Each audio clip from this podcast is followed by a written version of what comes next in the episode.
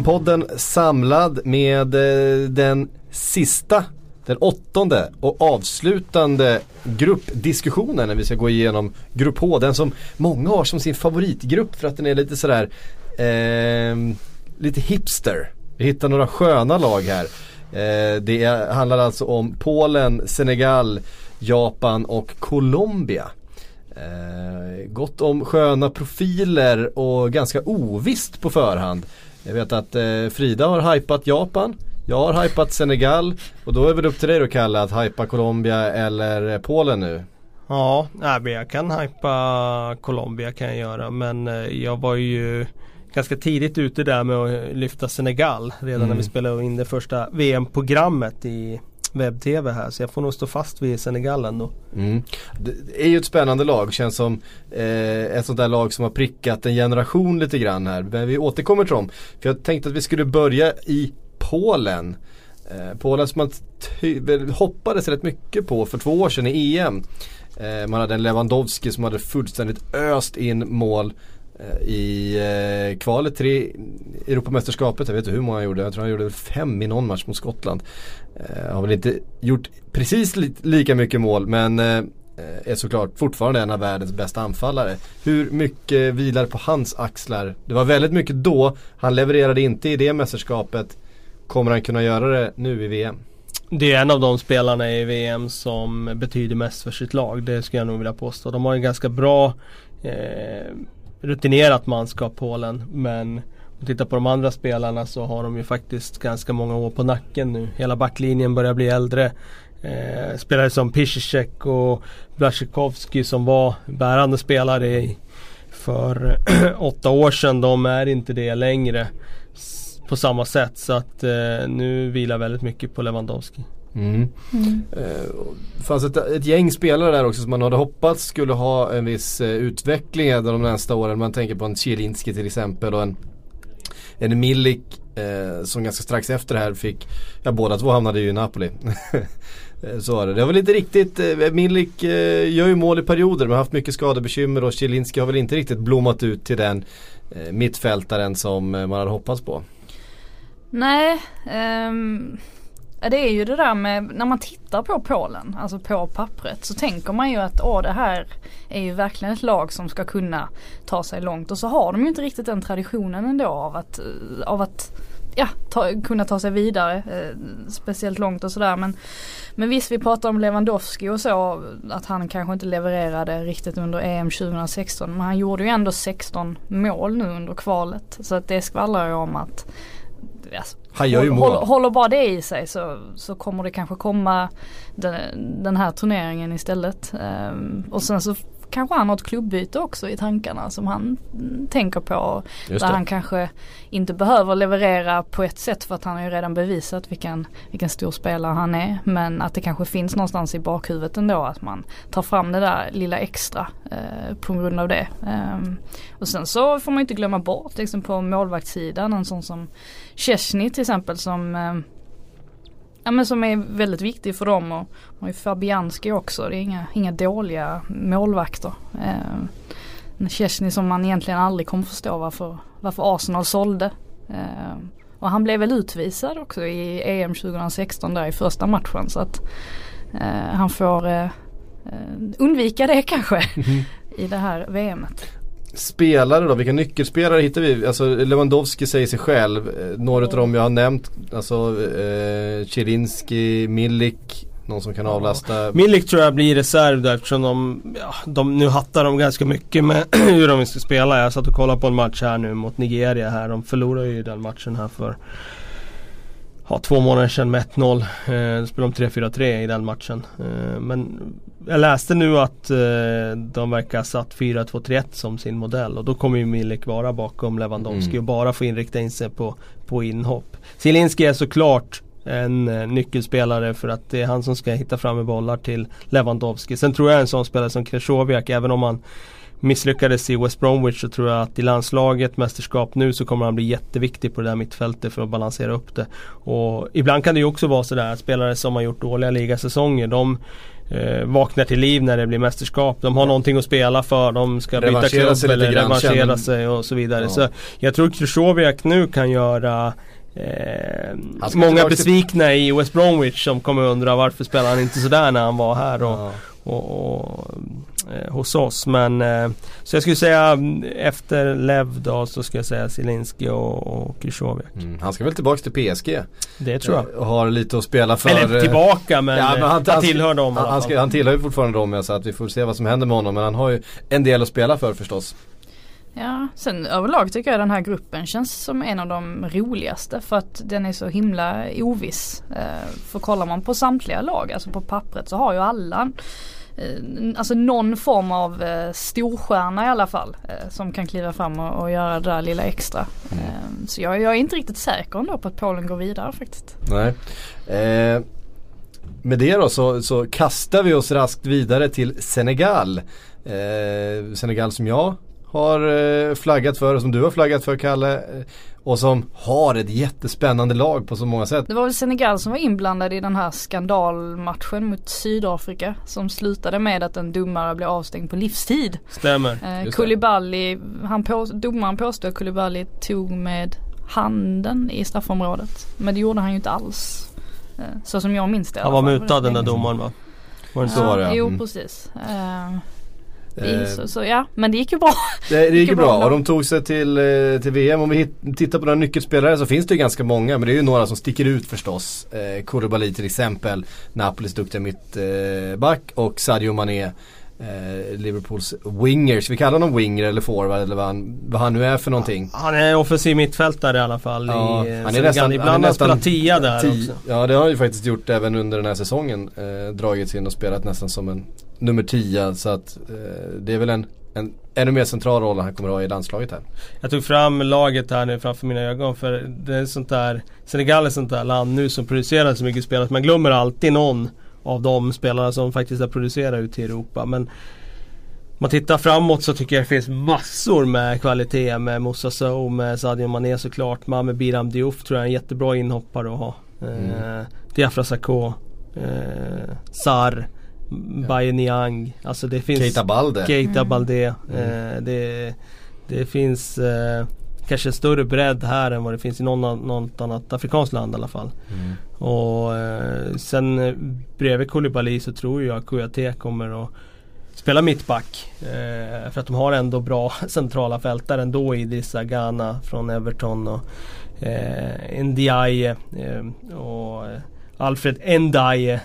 alltså det finns eh, många Ndiaye och Ndoye. Det, det, det finns hur många som helst egentligen att ta på. Och många är ju ganska liknande i spelstil. De är väldigt fysiska och, och duktiga tvåvägsspelare. Så att eh, jag tror att det finns eh, skrällpotential i det här gänget. Skönt för Senegal också att Mané som ändå var lite anonym inledningsvis på säsongen men hamnade ju också lite i skymundan av Salah som tog för sig så pass.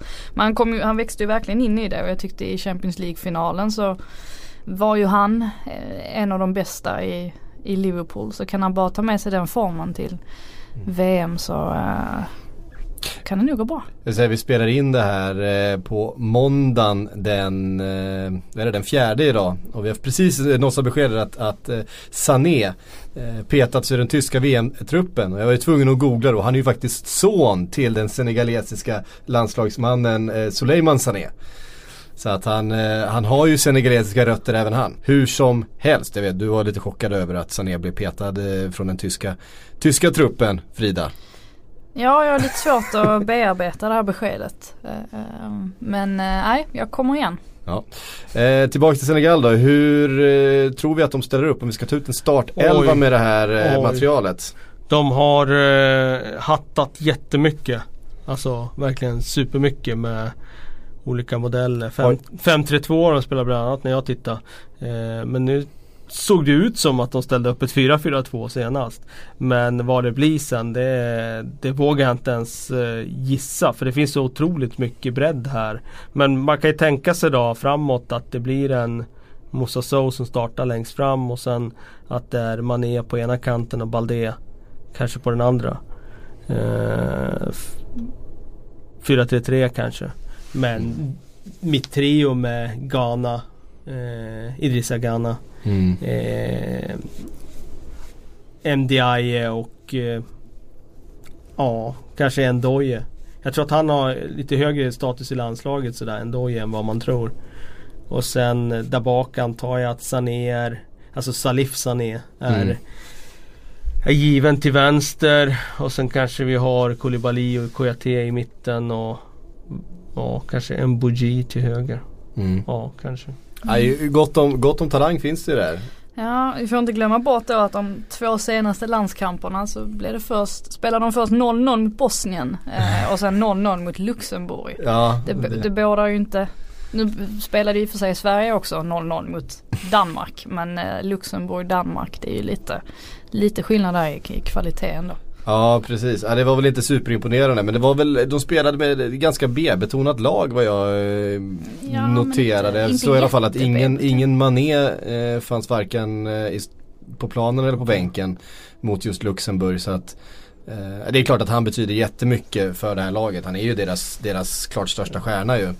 Jag ser ett Eh, annat namn här nu, Josef Sabali. Jag tror att han spelar kanske högerback. Mm. Jag minns det nu när jag noterar namnet här. Att han var nog i matchen där som jag kollade på. Som spelades för ett par månader sedan. Då var det nog han som spelade. Mm. Superprofil också, tränaren Aliou Cissé. En del utav eh, det där senegaleska laget som slog ut Sverige en gång i tiden, eh, 2002. Lagkapten i det laget. Ja, lagkapten då ja. ja. Eh, det fanns ju fler profiler i det där laget. Eh, man säger så. Men Cissé eh, har eh, tagit över det här landslaget nu och, och kommer ju eh, liva upp stämningen där nere på, eh, på sidlinjen kan vi tro.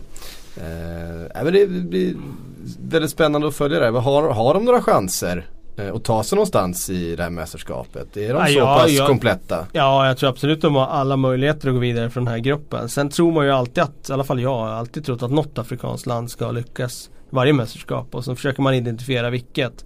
Och eh, Problemet är väl att det tar slut ändå i en kvart för att då blir motståndet för tufft.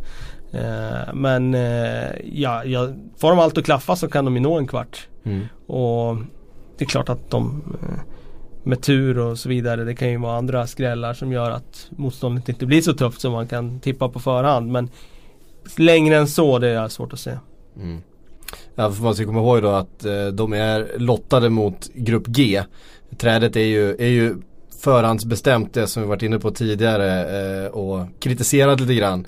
Eh, för då blir det så att vinner man den här gruppen då får man ju möta tvåan i, gruppen, eh, i grupp G. Ehm, med ehm, Belgien och England. Så att eh, det blir ju oavsett en tuff åttondelsfinal för den som vinner eh, den här gruppen.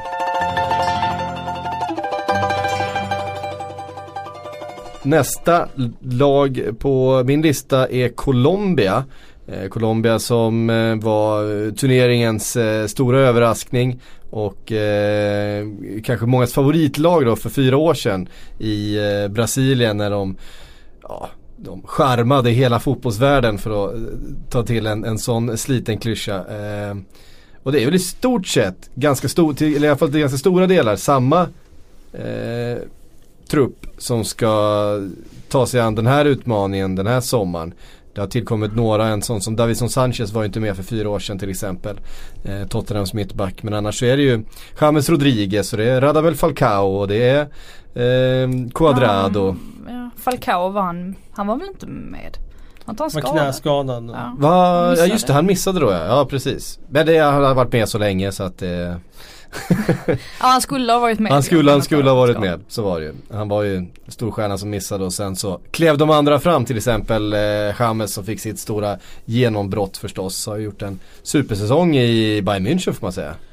Ja, fick en nytändning där. Blev inte superlyckad i, i Real Madrid. I alla fall inte utifrån att han värvades efter VM och var en Galactico som skulle bara ta fart upp mot stratosfären. Men eh, han eh, har ju en jättestor status såklart i landslaget Mm. och en nyckelroll där. Eh, så skulle inte förvåna mig om han eh, sätter eh, ja, men när vi väl är i mästerskapet så kommer han sätta färg på det här mästerskapet också. Jag, jag tror att han han och Colombia kommer att överraska många. Det är ett klasslag. Alltså de har riktigt, riktigt bra spelare. Mm. Och jag ser dem som det bästa laget i den här gruppen. Eh, sen om de får ut det igen. Det är svårt att lyckas två mästerskap i rad. Så det är väl det, det, är, det är min tes där. Det är väl det enda som egentligen talar emot att de går vidare från den här gruppen tycker jag. Mm. Ja, men jag, jag håller med också om att jag har, har dem också som etta i, i gruppen. Eh, med tanke på hur de presterade 2014 utan Falcao som visserligen, nej han kanske inte eh, lyckades prestera så som det var tänkt i, i, Premier League men det är ju en klassspelare rakt igenom. Eh, nu när de får med honom också så eh, bör det ju bli ännu farligare. Så jag, eh, jag tror också att de eh, den kommer väl inte komma som en överraskning den här, här, alltså den här gången eftersom det gjorde det 2014. Men jag tror definitivt att de kommer kunna ta sig mm. en bra bit. Eh, förstås ett, eh, nu har vi inte fått den slutgiltiga truppen än från eh, Colombia utan vi har bara den pre preliminära och vi har ju bjudits på några överraskningar eh, de senaste dagarna här hur när, när trupperna, de slutgiltiga har tagits ut. Inte minst då Sané som vi nämnde tidigare. Eh, David Ospina i mål. Han är rätt svårpetad. Ja han är väl given i, i landslaget så. Mm. så det, det kommer det bli. Vara. Det, det ska han vara. Sen eh, hur hade ni ställt upp det här laget utifrån ja, det, de resurserna på, som finns? På matchen som de spelade senast här nu då. Då spelade de 0-0 mot Egypten i fredags. Och jag kollade lite grann på den matchen. Då var startelvan Arias högerback, eh, Davison Sanchez och Jerry Mina, du vet jättebacken från Barcelona där. Mm. Mittbackar och sen Frank Fabria vänsterback och sen mittfält med Lerma, Uribe och Carlos Sanchez och sen eh, en trea framåt med Cuadrado och James Rodriguez och Falcao. Mm. Sen spelar de egentligen typ 4-4-2. Det är James Rodriguez som släpande anfallare bakom Falcao. Cuadrado eh, spelar långt ut på kanten som ja. man ska göra. Ja. I den här appen har de ställt upp dem som någon slags julgran men det är egentligen ett rakt 4-4-2. Ehm, och nu med, med Falcao eh, tillbaks så eh, får man kanske ytterligare lite spets. Det var väl Carlos Bacca som, eh, som spelade för fyra år sedan och har väl kanske inte eh, haft sin bästa säsong i, i karriären. Och hackat lite i det maskineriet de senaste åren men eh, Falcao vet ju vad han kan göra. Vad, eh, om vi ser ett Colombia som får till det är de en dark horse i, i även det här mästerskapet? Kanske inte till, till liksom vinna en final. Det var så men, jag tolkar det. eh, och gå, gå en bit. Gå en bit. Ja. En semifinal. Ja, Dark Horse är de ju på det. Men som sagt min tes är att de inte lyckas två mästerskap i rad. Så jag tror inte att de gör det. Men eh, du kanske tänker något annat Frida? Med tanke på att jag har tippat Tyskland som VM-mästare igen så tror jag uppenbarligen att man kan lyckas i två mästerskap i rad. Eh, Nej men det finns så många, när man sitter och går igenom alla, alla länder och sådär så, så tittar man på startelvorna och så tänker man att det är nästan 90% som ändå har sådana där spelare som kan ta ett land ganska långt ändå. Det är inte många dussingäng som finns här. Så det är klart att Colombia tillhör dem men det är ju, tycker det känns helt omöjligt att säga hur långt de kan ta sig. Så tittar man på lagdelarna här så tycker man att ja, men Mittbackarna, ja, Jeremina och, och Davison Sanchez, superintressanta, unga, lovande. Eh, Starka, star fysiska, fysiska monster. Fysiska monster, ja. Eh, men mittfältet känns ändå kanske dels för att det är namn som inte är liksom några superstjärnor som spelar på den högsta nivån. Eh, men det är också där eh, den kanske största svagheten finns. För framåt, jag menar tittar man Cuadrado, eh, James Rodriguez och Falcao så är det ju tre stycken superstjärnor. Mm. Å andra sidan ska man nog inte underskatta en sån som Carlos Sanchez, alltså med all den rutinen eh, som han har.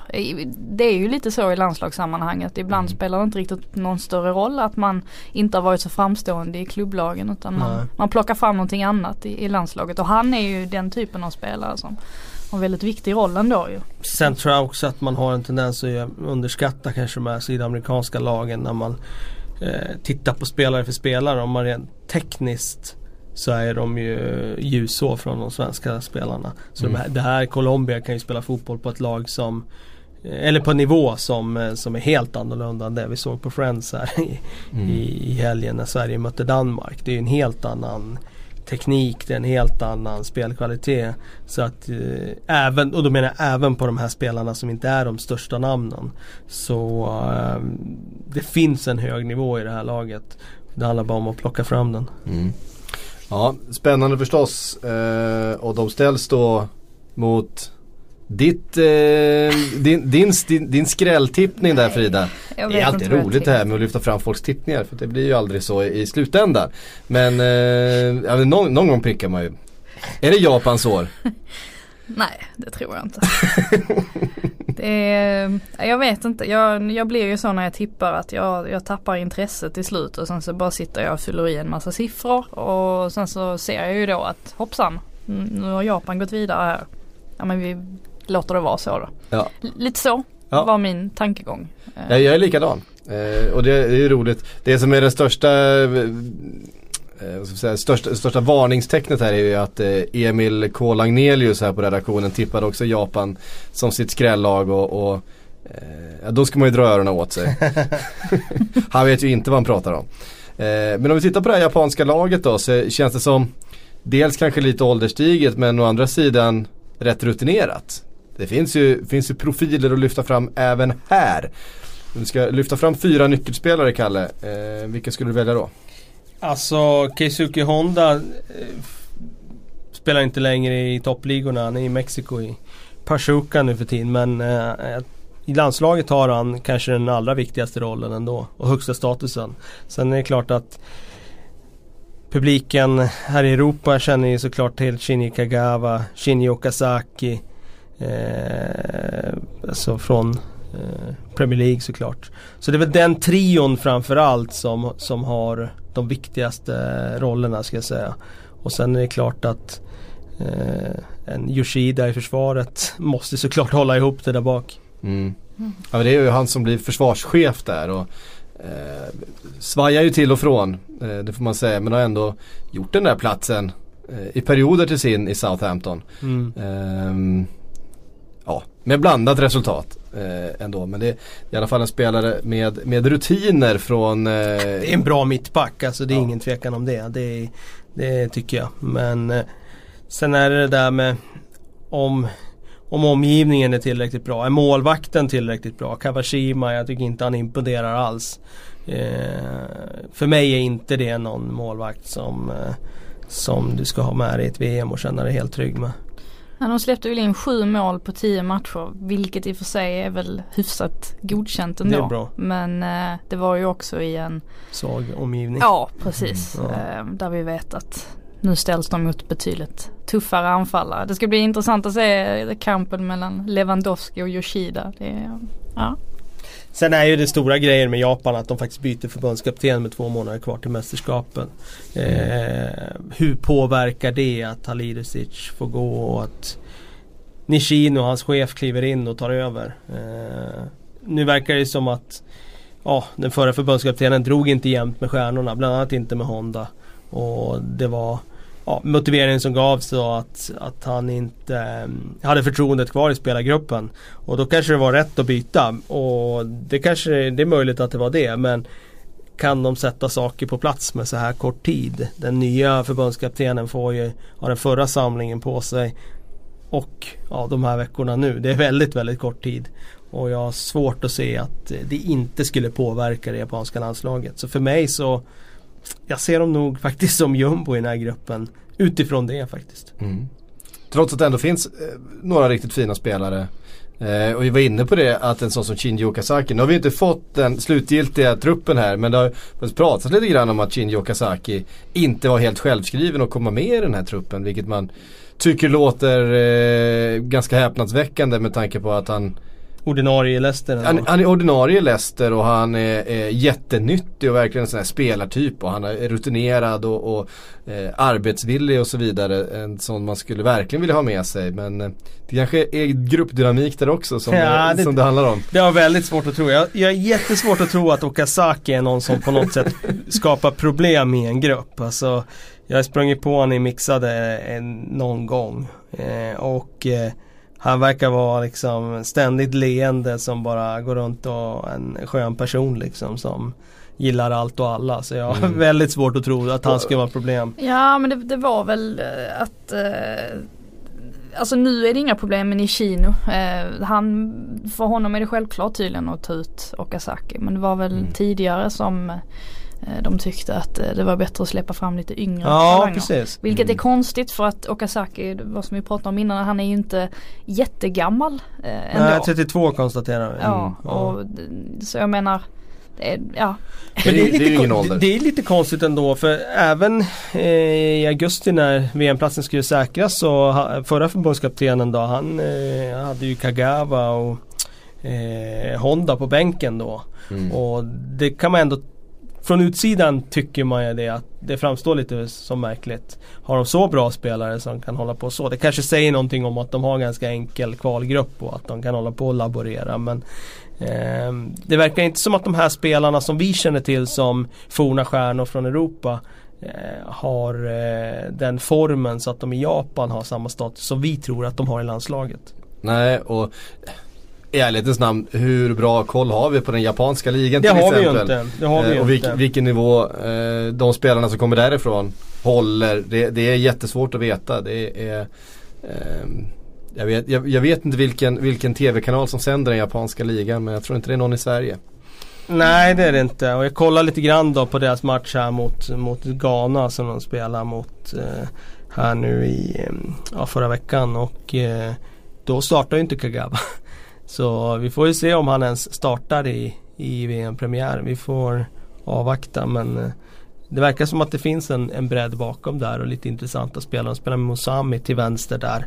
Mm, men i någon slags indragen kantroll och han såg ganska intressant ut faktiskt. Mm.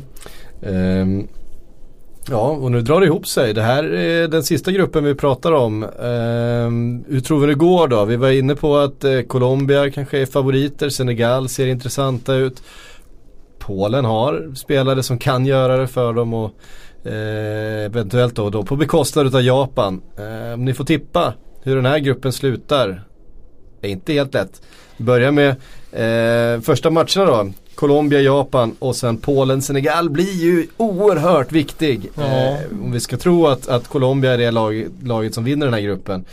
Eh, ja då handlar det om, om andra platsen direkt här mellan eh, Polen och Senegal. Nej, jag tror på skräll. Jag tror Senegal vinner gruppen. Jag tror det är lite förhoppning också. Jag tycker Mm. att de är lite coola faktiskt den här generationen de har fått fram. Så uh, jag, jag, jag, jag sätter Senegal etta och Colombia två. Mm. Det är rätt kul ändå. Alltså, just nu känns det ju som att man, man tror att man har vissa grejer klart för sig. Och om fyra veckor så kommer allt, allt kommer vara upp och ner. Förmodligen. Och vi kommer ha så många nya insikter och, och det, kommer vara så Mm. många nya stjärnor som har tänts. Eh, Jag tror ju att Colombia vinner gruppen. Eh, sen hade jag ju tippat Japan, som ja. tvåa. Men, men det var det var ju absolut inte baserat på eh, logik överhuvudtaget. Ehm, jag tror väl också lite mer ändå på Senegal än på Polen. Jag är inte riktigt, jag har inte riktigt eh, dragits in i den här Polen-hypen. Eh, Den fanns ju där för åtta år sedan tyckte jag. Då var de ju Mm. lite coola och EM på hemmaplan där. Ja. Då eh, tyckte jag också att det fanns fog för den hypen. Mm.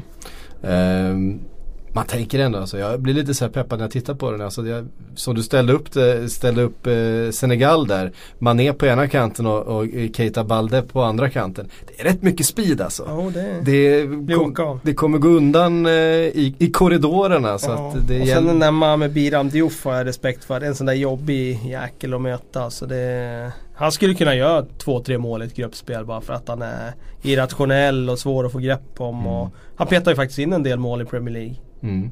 Och eh, Idrissa Gueye eh, har vi hyllat i perioder i alla fall i Everton, inte minst i, i eh, höstas var han väldigt, väldigt eh, nyttig för dem. Eh, tuff jäkel. Vinner eh, mycket boll. Ja, det ska bli väldigt spännande att följa den här gruppen. Ehm, Ja, det Vi- häftiga med den är ju det där att alla kan slå alla. Så även om man Mm. skulle förlora första matchen, det är klart att det inte är bra. Men det är inte helt kört som det kan vara i andra grupper. Där man vet att ett Panama förmodligen inte kommer att eh, Nej, sätta emot precis. sen i nästa omgång. Liksom, och då är man rökt. Men här finns ju faktiskt ändå möjligheten att det blir en riktigt jämn grupp. Ja, ja men alltså just det där att, att Colombia har Japan i första matchen och man säger att oh, Colombia är inte riktigt liksom eh, ihopspelta, man får inte riktigt fart på grejerna. Det kan ta ett par matcher innan man får eh, spelet att sitta. Eh, och så blir det kryss där och sen så måste de jaga i andra matcher och så vidare. Det, det eh, är, är väldigt svårt att sia om eh, resultaten här. VM-podden, vad händer med den nu då när eh, grupperna är slut? Ja, nu kommer vi gå över och helt enkelt börja bevaka VM. Vi, ska, eh, vi kommer få rapporter ifrån det svenska lägret och när matcherna kommer igång så kommer vi få eh, telefonrapporter från våra utsända och vi ska eh, i så hög utsträckning som möjligt få eh, rapporter från alla arenor där vi har eh, utsända eh, på. Så att eh, det kommer komma Ungefär i samma takt som eh, det har kommit när vi har gjort grupperna och så Sillypodden förstås däremellan. Eh, det behöver ni inte bekymra er över. Så att eh, den rullar på. Så VM-podden eh, och nästa vecka så kommer det faktiskt en special för er som spelar manager. Eh, manager här på, på Sportbladet. Eh, Drömelvan kommer vi spela in ett specialavsnitt där vi går igenom då precis inför när vi har alla trupper och allting och eh, skadeläget är utrett. Eh, de sista dagarna före deadline så kommer vi sätta oss här och så gå igenom hur man ska eh, ställa upp sitt lag. Jag vet att eh, du Kalle ogärna släpper dina, dina släpper guldklimpar. jag släpper en så kallad chimär. eh, Precis. eh, som, Men jag kanske kommer tvinga in dig här i studion och, och dela med dig utav dina expertkunskaper kring eh, Drömelvan. Oj, ja. Eh, så är det, men det är först nästa vecka. Eh, det här var VM-poddens eh, sista gruppgenomgång. Vi hörs eh, om några dagar igen.